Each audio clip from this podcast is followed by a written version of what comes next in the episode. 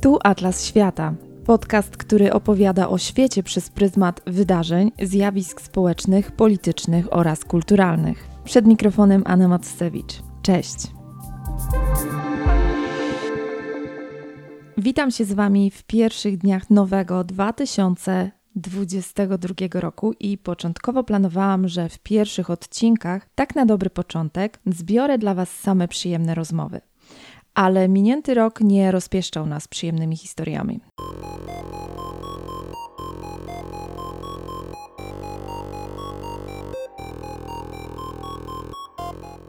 W końcu grudnia rosyjskie sądy nakazały zamknięcie memoriału, najstarszej i najwybitniejszej rosyjskiej organizacji broniącej praw człowieka. Na memoriał składają się dwa siostrzane projekty. Międzynarodowy Memoriał, który skupiał się na badaniu oraz rozpowszechnianiu wiedzy o zbrodniach komunistycznych oraz rehabilitacją ofiar reżimów totalitarnych, a także drugi projekt Centrum Praw Człowieka Memoriał, który zajmował się m.in. monitoringiem praw człowieka we współczesnej Rosji, wspierał uchodźców czy więźniów politycznych. Jak można się domyślić, obie organizacje od lat były solą w oku władz Federacji Rosyjskiej, przy czym nie tylko na Kremlu, ale też w republikach takich jak Inguszetia. O Inguszetii wspominam dlatego, że batalię sądową, której byliśmy świadkami w ostatnich miesiącach, uruchomiła Federalna Służba Bezpieczeństwa w tej właśnie republice. Główny zarzut brak oznaczenia publikacji w mediach społecznościowych memoriału jako informacji rozpowszechnianej przez agenta zagranicznego. A to, że dotychczas Inguszetia przegrała przed Europejskim Trybunałem Praw Człowieka aż 15 spraw wniesionych przez memoriał, dotyczyły one m.in. tortur, porwań i niedochowania rzetelności w postępowaniach sądowych, to na pewno czysty przypadek.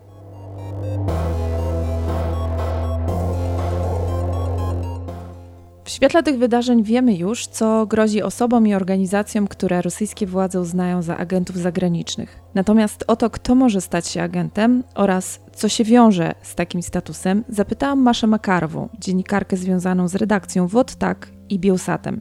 Cześć Maszo. E, cześć, dobry wieczór.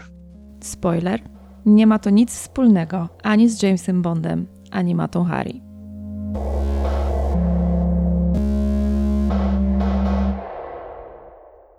Maszo, w świetle rosyjskiego prawa, kim właściwie jest ten tak zwany agent zagraniczny? No, pierwsza ustawa o agentach zagranicznych była przyjęta e, jeszcze kilka lat temu, dokładnie w roku 2012, czyli po tych wielkich protestach w Rosji, które z jednej strony były takim wielkim wyjściem na ulicy Rosjan przeciwko e, nieuczciwym wyborom prezydenta i wcześniej jeszcze do Dumy Państwowej w roku 2011, ale też e, po tych wyborach i po protestach w roku 2012 zaczęło się tak zwane zakręcanie śruby, czyli różne ustawy represyjne, które ograniczały działania czy organizacji pozarządowych, czy w ogóle jakiekolwiek działania polityczne, opozycyjne w Federacji Rosyjskiej i też w tym roku zaczęła się tak zwana putinowska emigracja, czyli te osoby, które się włączyły w protesty e, w latach 2011-2012, wtedy były zmuszone, tak to nazwijmy, były zmuszone emigrować e, z Rosji.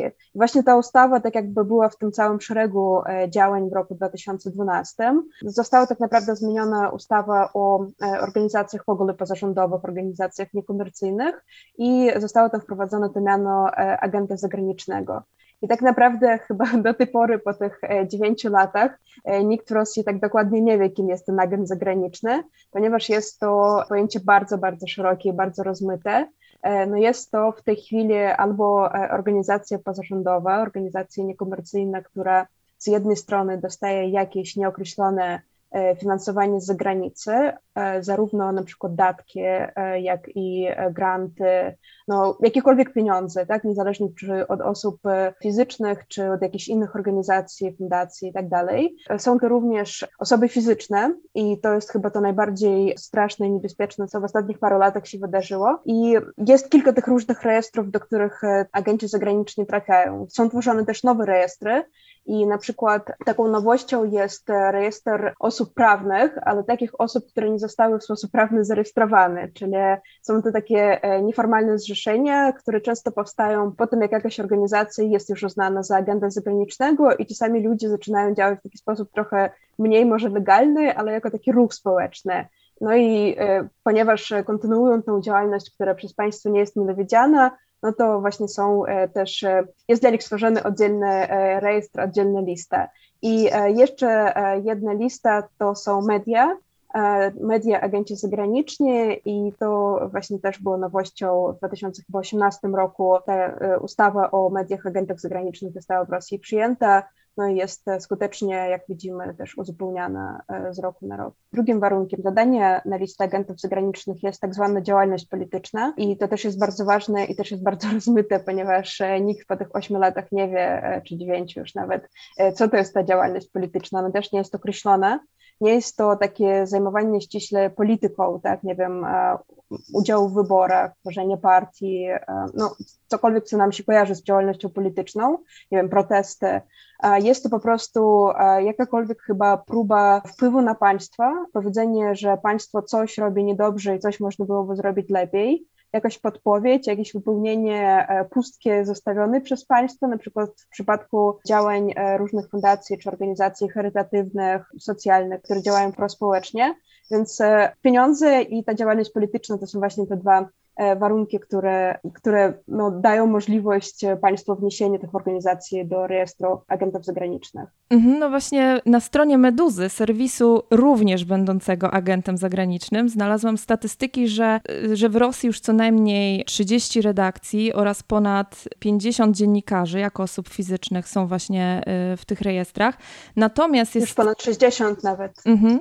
E, no właśnie, więc ta lista też się zwiększa z miesiąca na miesiąc, ale też to, co zrobiło na mnie naprawdę przygnębiające wrażenie, jest bardzo długa lista organizacji, które zajmują się nie tylko tematem praworządności czy prawami człowieka, czy tak jak wspomniałaś, jakimiś politycznymi tematami, ale są też to organizacje, które się zajmują ochroną środowiska, które się zajmują edukacją, aktywizacją jakichś lokalnych społeczności, organizacje religijne.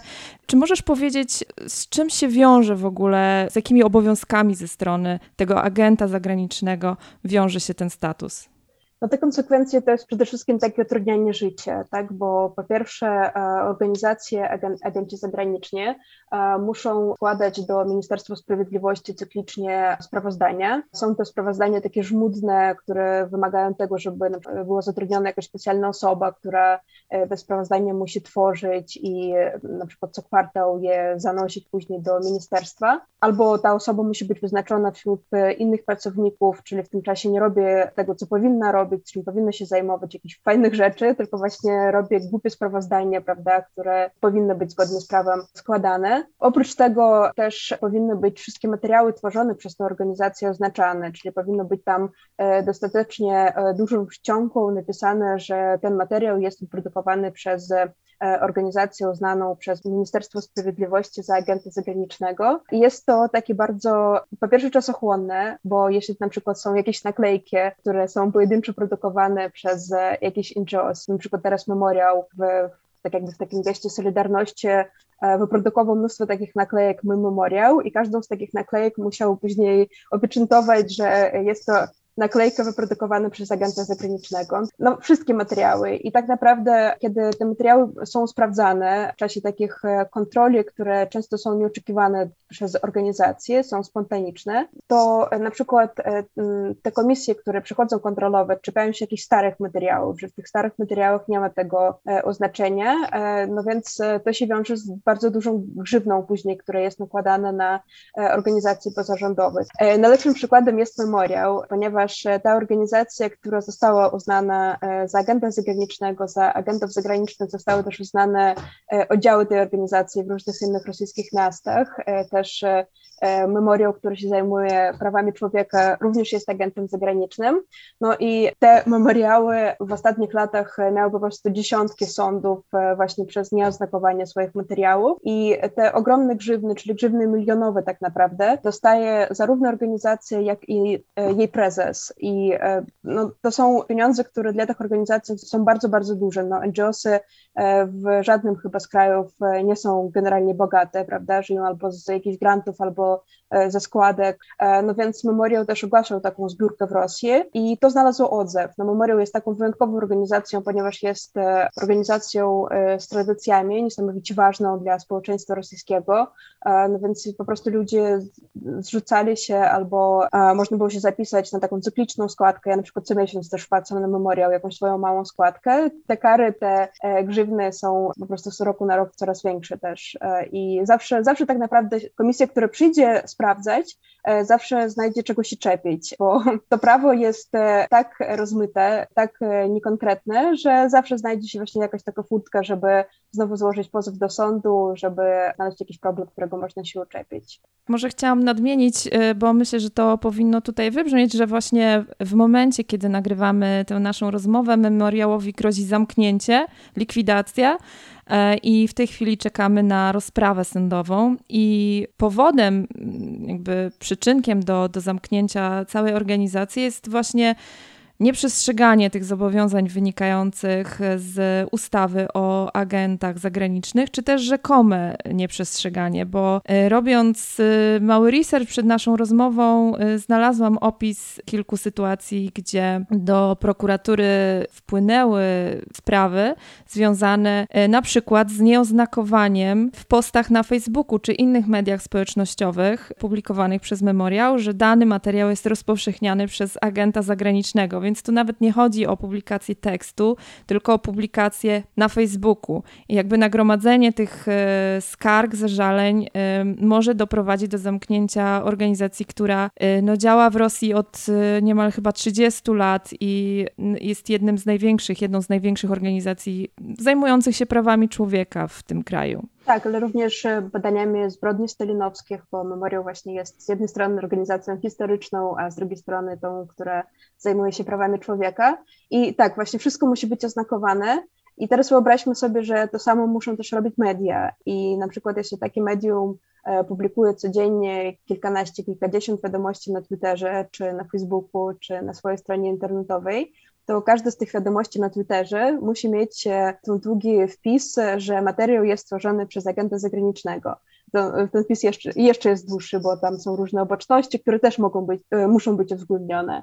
E, no i pytanie było też, czy w ogóle się da pracować w takiej sytuacji, zamieszczając za każdym razem tę wiadomość. No więc teraz na przykład media publikują obrazek, na którym jest ten napis, a jednocześnie dają, podają wiadomość i Czasami mm, to oznaczenie, oznakowanie, że jest to agent zagraniczny jest dłuższe niż wiadomość, którą podają. Ale też inne media, e, na przykład jak piszemy wiadomości i korzystamy z, tej, z tych informacji, które są przekazane przez agenta zagranicznego, za każdym raz, e, razem musimy przy tym medium stawiać gwiazdkę i niżej pod naszą wiadomością wskazywać, że jest to agent zagraniczny. Przy każdym NGOsie, przy każdym medium, przy każdej osobie fizycznej o tym trzeba pamiętać. Za każdym razem e, trzeba sprawdzać, czy na przykład ten rejestr się nie zmienił. Jest to, to strasznie po prostu dla wszystkich niewygodne i no jest to dyskryminujące po prostu, tak? bo to chyba jest też taki pierwszy i główny cel tej ustawy, dyskryminować e, te fajne organizacje, fajne inicjatywy, które w Rosji e, są. Natomiast jeśli chodzi o osoby fizyczne, bo osoby fizyczne e, w Rosji, agenci zagraniczni, osoby fizyczne pojawiły się nie tak dawno temu. Rok temu przed e, akurat Sylwestrem, przed Nowym Rokiem pojawiła się pierwsza e, grupa tych osób. Wśród nich był na przykład taki bardzo zasłużony dla społeczeństwa obywatelskiego w Rosji Lew Ponomariow, już bardzo taki sędziwy pan, który od lat niezmiennie walczy o prawa człowieka. Jego organizacja za prawa człowieka też było znana za agenta zagranicznego, natomiast on został znany za medium agenta zagranicznego i to jest sytuacja absurdalna, ponieważ e, tak naprawdę te osoby fizyczne to one w momencie, kiedy stają się agentami zagranicznymi, zamieniają się w media, bo istnieje jeszcze oddzielny rejestr osób fizycznych, który do tej pory jeszcze nie jest używany. On został stworzony i prawdopodobnie no, będzie jakoś tam skutecznie e, uzupełniany przez Ministerstwo Sprawiedliwości, ale w tej chwili jeszcze jest pusty. Więc e, te 62 osoby fizyczne w tej chwili to są media, które muszą później założyć e, osobę prawną i składać też sprawozdania.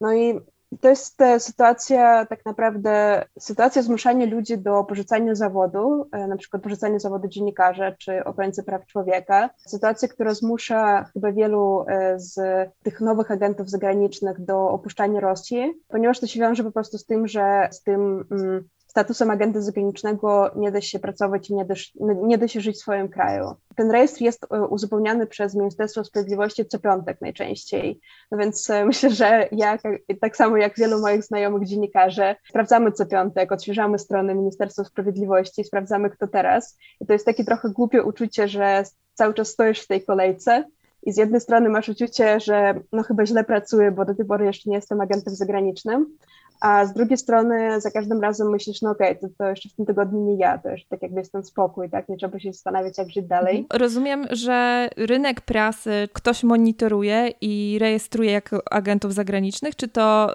sam agent powinien się zgłosić i zarejestrować?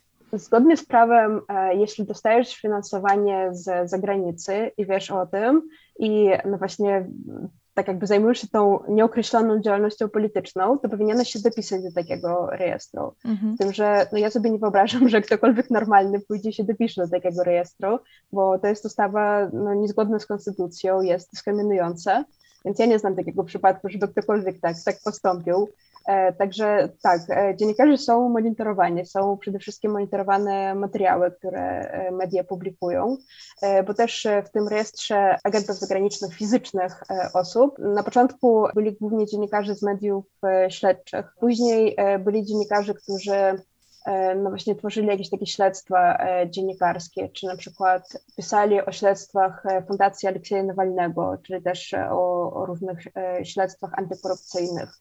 Natomiast no teraz e, w tym rejestrze już jest e, e, około 100 pozycji i są to bardzo różne osoby. Więc tak naprawdę nie zawsze się da wychwycić tę logikę, którą kieruje się ministerstwo, kiedy nowe osoby wprowadza do tego rejestru i nadaje ten status agenta zagranicznego. Na przykład po wyborach do parlamentu, które teraz były we wrześniu, cała siatka regionalna ruchu Gołos, czyli to są obserwatorzy wyborów, E, niezależnie, e, chyba z 10 osób e, z tej organizacji też zostały dodane do, do tego rejestru mediów, znaczy no, to są media, agenci zagraniczni, ale to są osoby fizyczne, które stają się mediami, także to jest takie, no właśnie ten absurd, o którym mówiłam. Więc mamy do czynienia z ustawą, z prawem, które być może w jakimś pierwotnym zamyśle można byłoby gdzieś pomyśleć, że może chodzi o przejrzystość, natomiast mamy do czynienia z niezwykle potężnym narzędziem do represji każdej osoby, czy też organizacji, która w inny sposób działa albo myśli niż y, obowiązuje, powiedzmy, oficjalna narracja. Ja myślę, że nawet na początku nie chodziło o przejrzystość, ponieważ w przypadku e, tej ustawy o mediach, agentach zagranicznych, to była ustawa odwytowa,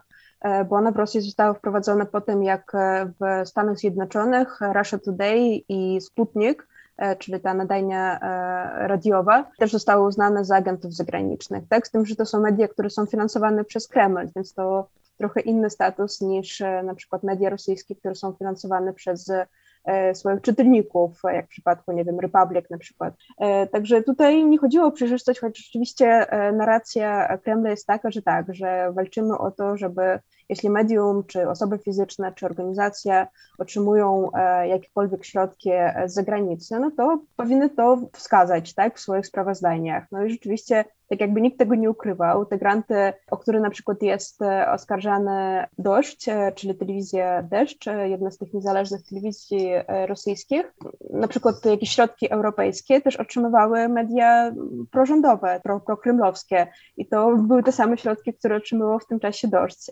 więc nie ma żadnej różnicy. No ale ja sobie nie wyobrażam, że jakiekolwiek z mediów prorządowych będzie w Rosji uznane za, za medium agenta zagranicznego. Więc nie chodzi tutaj o przejrzystość, moim zdaniem zupełnie nie.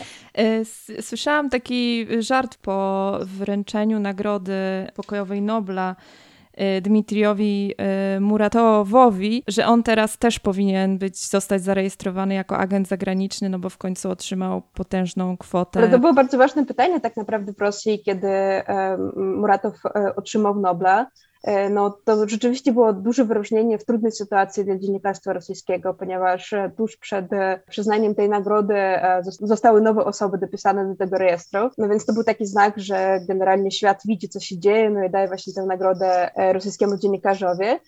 Natomiast po przyznaniu nagrody Władimir Putin powiedział, że jeśli będą przyczyny, to Muratow zostanie wpisany do rejestru agentów zagranicznych, więc nie ma tutaj żadnej przeszkody, że to jest noblista. Natomiast Muratow też od razu zapowiedział, że ta nagroda Nobla zostanie przekazana do jakiejś fundacji stworzonej przez prezydenta Rosji, więc może rzeczywiście ten taki środek zapobiegawczy tutaj zadziała i, e, i nie zostanie uznany za agenta zagranicznego. To jest e, też takie super, że e, do tej pory potrafimy się nad tym śmiać i tak naprawdę za każdym razem, jak jest ogłoszona nowa lista agentów zagranicznych, to pojawia się mnóstwo fajnych żartów w sieciach społecznościowych i jeszcze do tej pory tak jakby każdy potrafi na to spojrzeć ze śmiechem, chociaż tak naprawdę tym osobom, które zostają uznane za agentów zagranicznych, to wcale tak nie jest do śmiechu i to jest sytuacja, która strasznie im to życie utrudnia. Też e, na początku, kiedy te pierwsze osoby w tym rejestrze się pojawiły, to im tak gratulowano i mówiono, że to jest taki znak jakości i taka właśnie taki Nobel od państwa rosyjskiego, że na przykład no, mamy Pulitzera, ale też mamy właśnie taką łatkę agenta zagranicznego w Rosji, ale moim zdaniem to jest taka próba uspokojenia samych siebie i mówienie, że no nie jest źle, że to jest e, znak uznania dla nas. Nie, właśnie nie, bo to jest, e, to jest dyskryminacja i e, ostatnio dużo wyszło też wywiadów e, z tymi e, agentami zagranicznymi, z naszymi kolegami, z dziennikarzami, którzy mówią, że po pierwsze dla nich to było wielkim szokiem, bo to, na to nie da się przygotować. To radykalnie zmienia życie, bo musisz składać jakieś absurdalne sprawozdanie, w których notujesz każdy grosz, który otrzymałeś od swoich krewnych, nie wiem, jakieś, jakiekolwiek przelewy i też na co je wydałeś, tak? No wpisujesz po prostu wszystko, karma dla kota, nie wiem, rajstopy i tak dalej, i tak dalej. Czyli to jest tak naprawdę, że państwo w butach wchodzi ci do życia prywatnego, musisz zdawać sprawozdanie z własnych prywatnych wydatków i szczególnie e, w przypadku dziennikarzy niełatwo jest znaleźć pracę w Rosji po tym, jak zostajesz agentem zagranicznym i nie masz własnej redakcji, która cię przyjmie z takim statusem, ponieważ wszystkie twoje te materiały muszą być właśnie podpisane, że jest to materiał stworzony przez agenta zagranicznego i tego, co opowiadali właśnie ci dziennikarze, którzy już ten status mają, no to e, redakcje albo proponują jakieś e, bardzo, bardzo niskie zarobki, ponieważ dla nich to jest takie ryzyko, może, znaczy nie jest to ryzyko prawne, bo tak naprawdę redakcjom nic nie grozi, ale każdy się spodziewa, że prawo może kolejny raz się zmienić i że redakcje też pod jakieś takie restrykcje podpadną. No a po drugie po prostu nikt nie chce e, swojej strony brudzić tak jakby tym statusem ag agenta zagranicznego. Więc teraz no, są takie przypadki, że te osoby często wyjeżdżają z Rosji i próbują znaleźć e, siebie albo w jakimś innym zupełnie zawodzie, bo nawet te swoje posty w prywatnych mediach społecznościowych w ten sposób muszą oznakowywać. Ja za każdym razem po prostu łapię się za głowę, jak widzę posty mojego kolegi z Petersburga, który pracuje dla telewizji Nastaje się Wremia i po prostu, nie wiem, w Instagramie zamieszcza zdjęcie swojej małej córki i za każdym razem musi ten post e, no, podpisać, że to jest materiał stworzony przez e, medium agenta zagranicznego. Każdy swój komentarz musi w ten sposób oznakować dużymi literami, ponieważ e, to piętno musi być za każdym razem bardziej widoczne niż to, co on tak naprawdę ma do powiedzenia. Mhm. A czy jest jakiś sposób wyjścia z rejestru? Nie, nie ma i to jest najgorsze w tym wszystkim, bo znaczy, w prawo mówi, że jeśli przez rok nie będziesz otrzymywał pieniędzy z zagranicy i zdołasz to udowodnić e, Ministerstwu Sprawiedliwości, no to wtedy tak jakby droga sądowa pozwala ci na wyjście, ale tak naprawdę nie ma takich przypadków. E, w przypadku NGO-sów e, jest możliwa likwidacja, no ale człowieka się nie zlikwiduje, prawda, i nie odrodzi się go od nowa, żeby tym dziennikarzem, który może znowu się podpisywać po prostu własnym imieniem i nazwiskiem.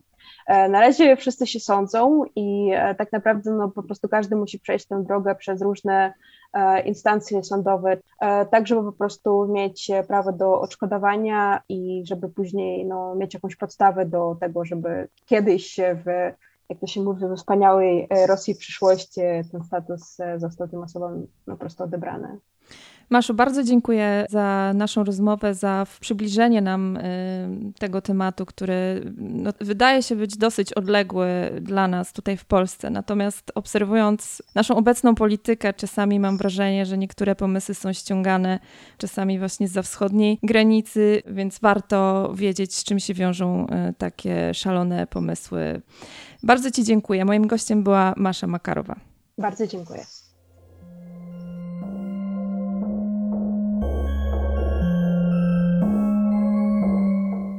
Na koniec chcę jeszcze na chwilę wrócić do memoriału. Memoriał jest organizacją starszą niż Federacja Rosyjska. Ruch dążący do upamiętnienia ofiar reżimu komunistycznego zawiązał się w latach 80., gdy w Związku Radzieckim nikt nawet nie podejrzewał zbliżającego się upadku. Wśród liderów ruchu znajdziemy nazwisko Andrzeja Sacharowa. Sacharow, naukowiec i współtwórca radzieckiej bomby wodorowej, od lat 60. angażował się w działania na rzecz rozbrojenia także na rzecz demokratyzacji i poszanowania praw człowieka, za co otrzymał pokojowego Nobla.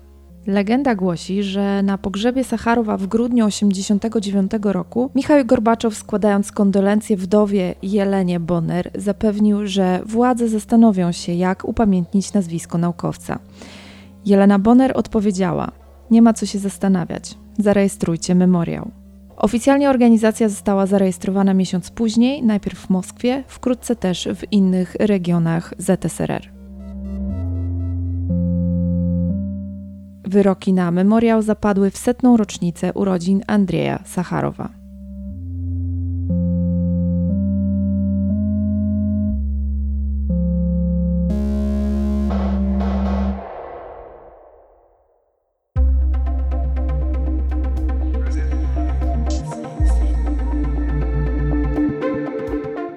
Wszystkie odcinki podcastu Atlas Świata znajdziecie na stronie atlas-świata.pl, na YouTubie, na Spotify i w innych serwisach, gdzie lubicie słuchać podcastów. Obserwujcie, komentujcie i dzielcie się linkiem do Atlasu z innymi. Ja się nazywam Anna Mocewicz. Dziękuję za uwagę i do usłyszenia.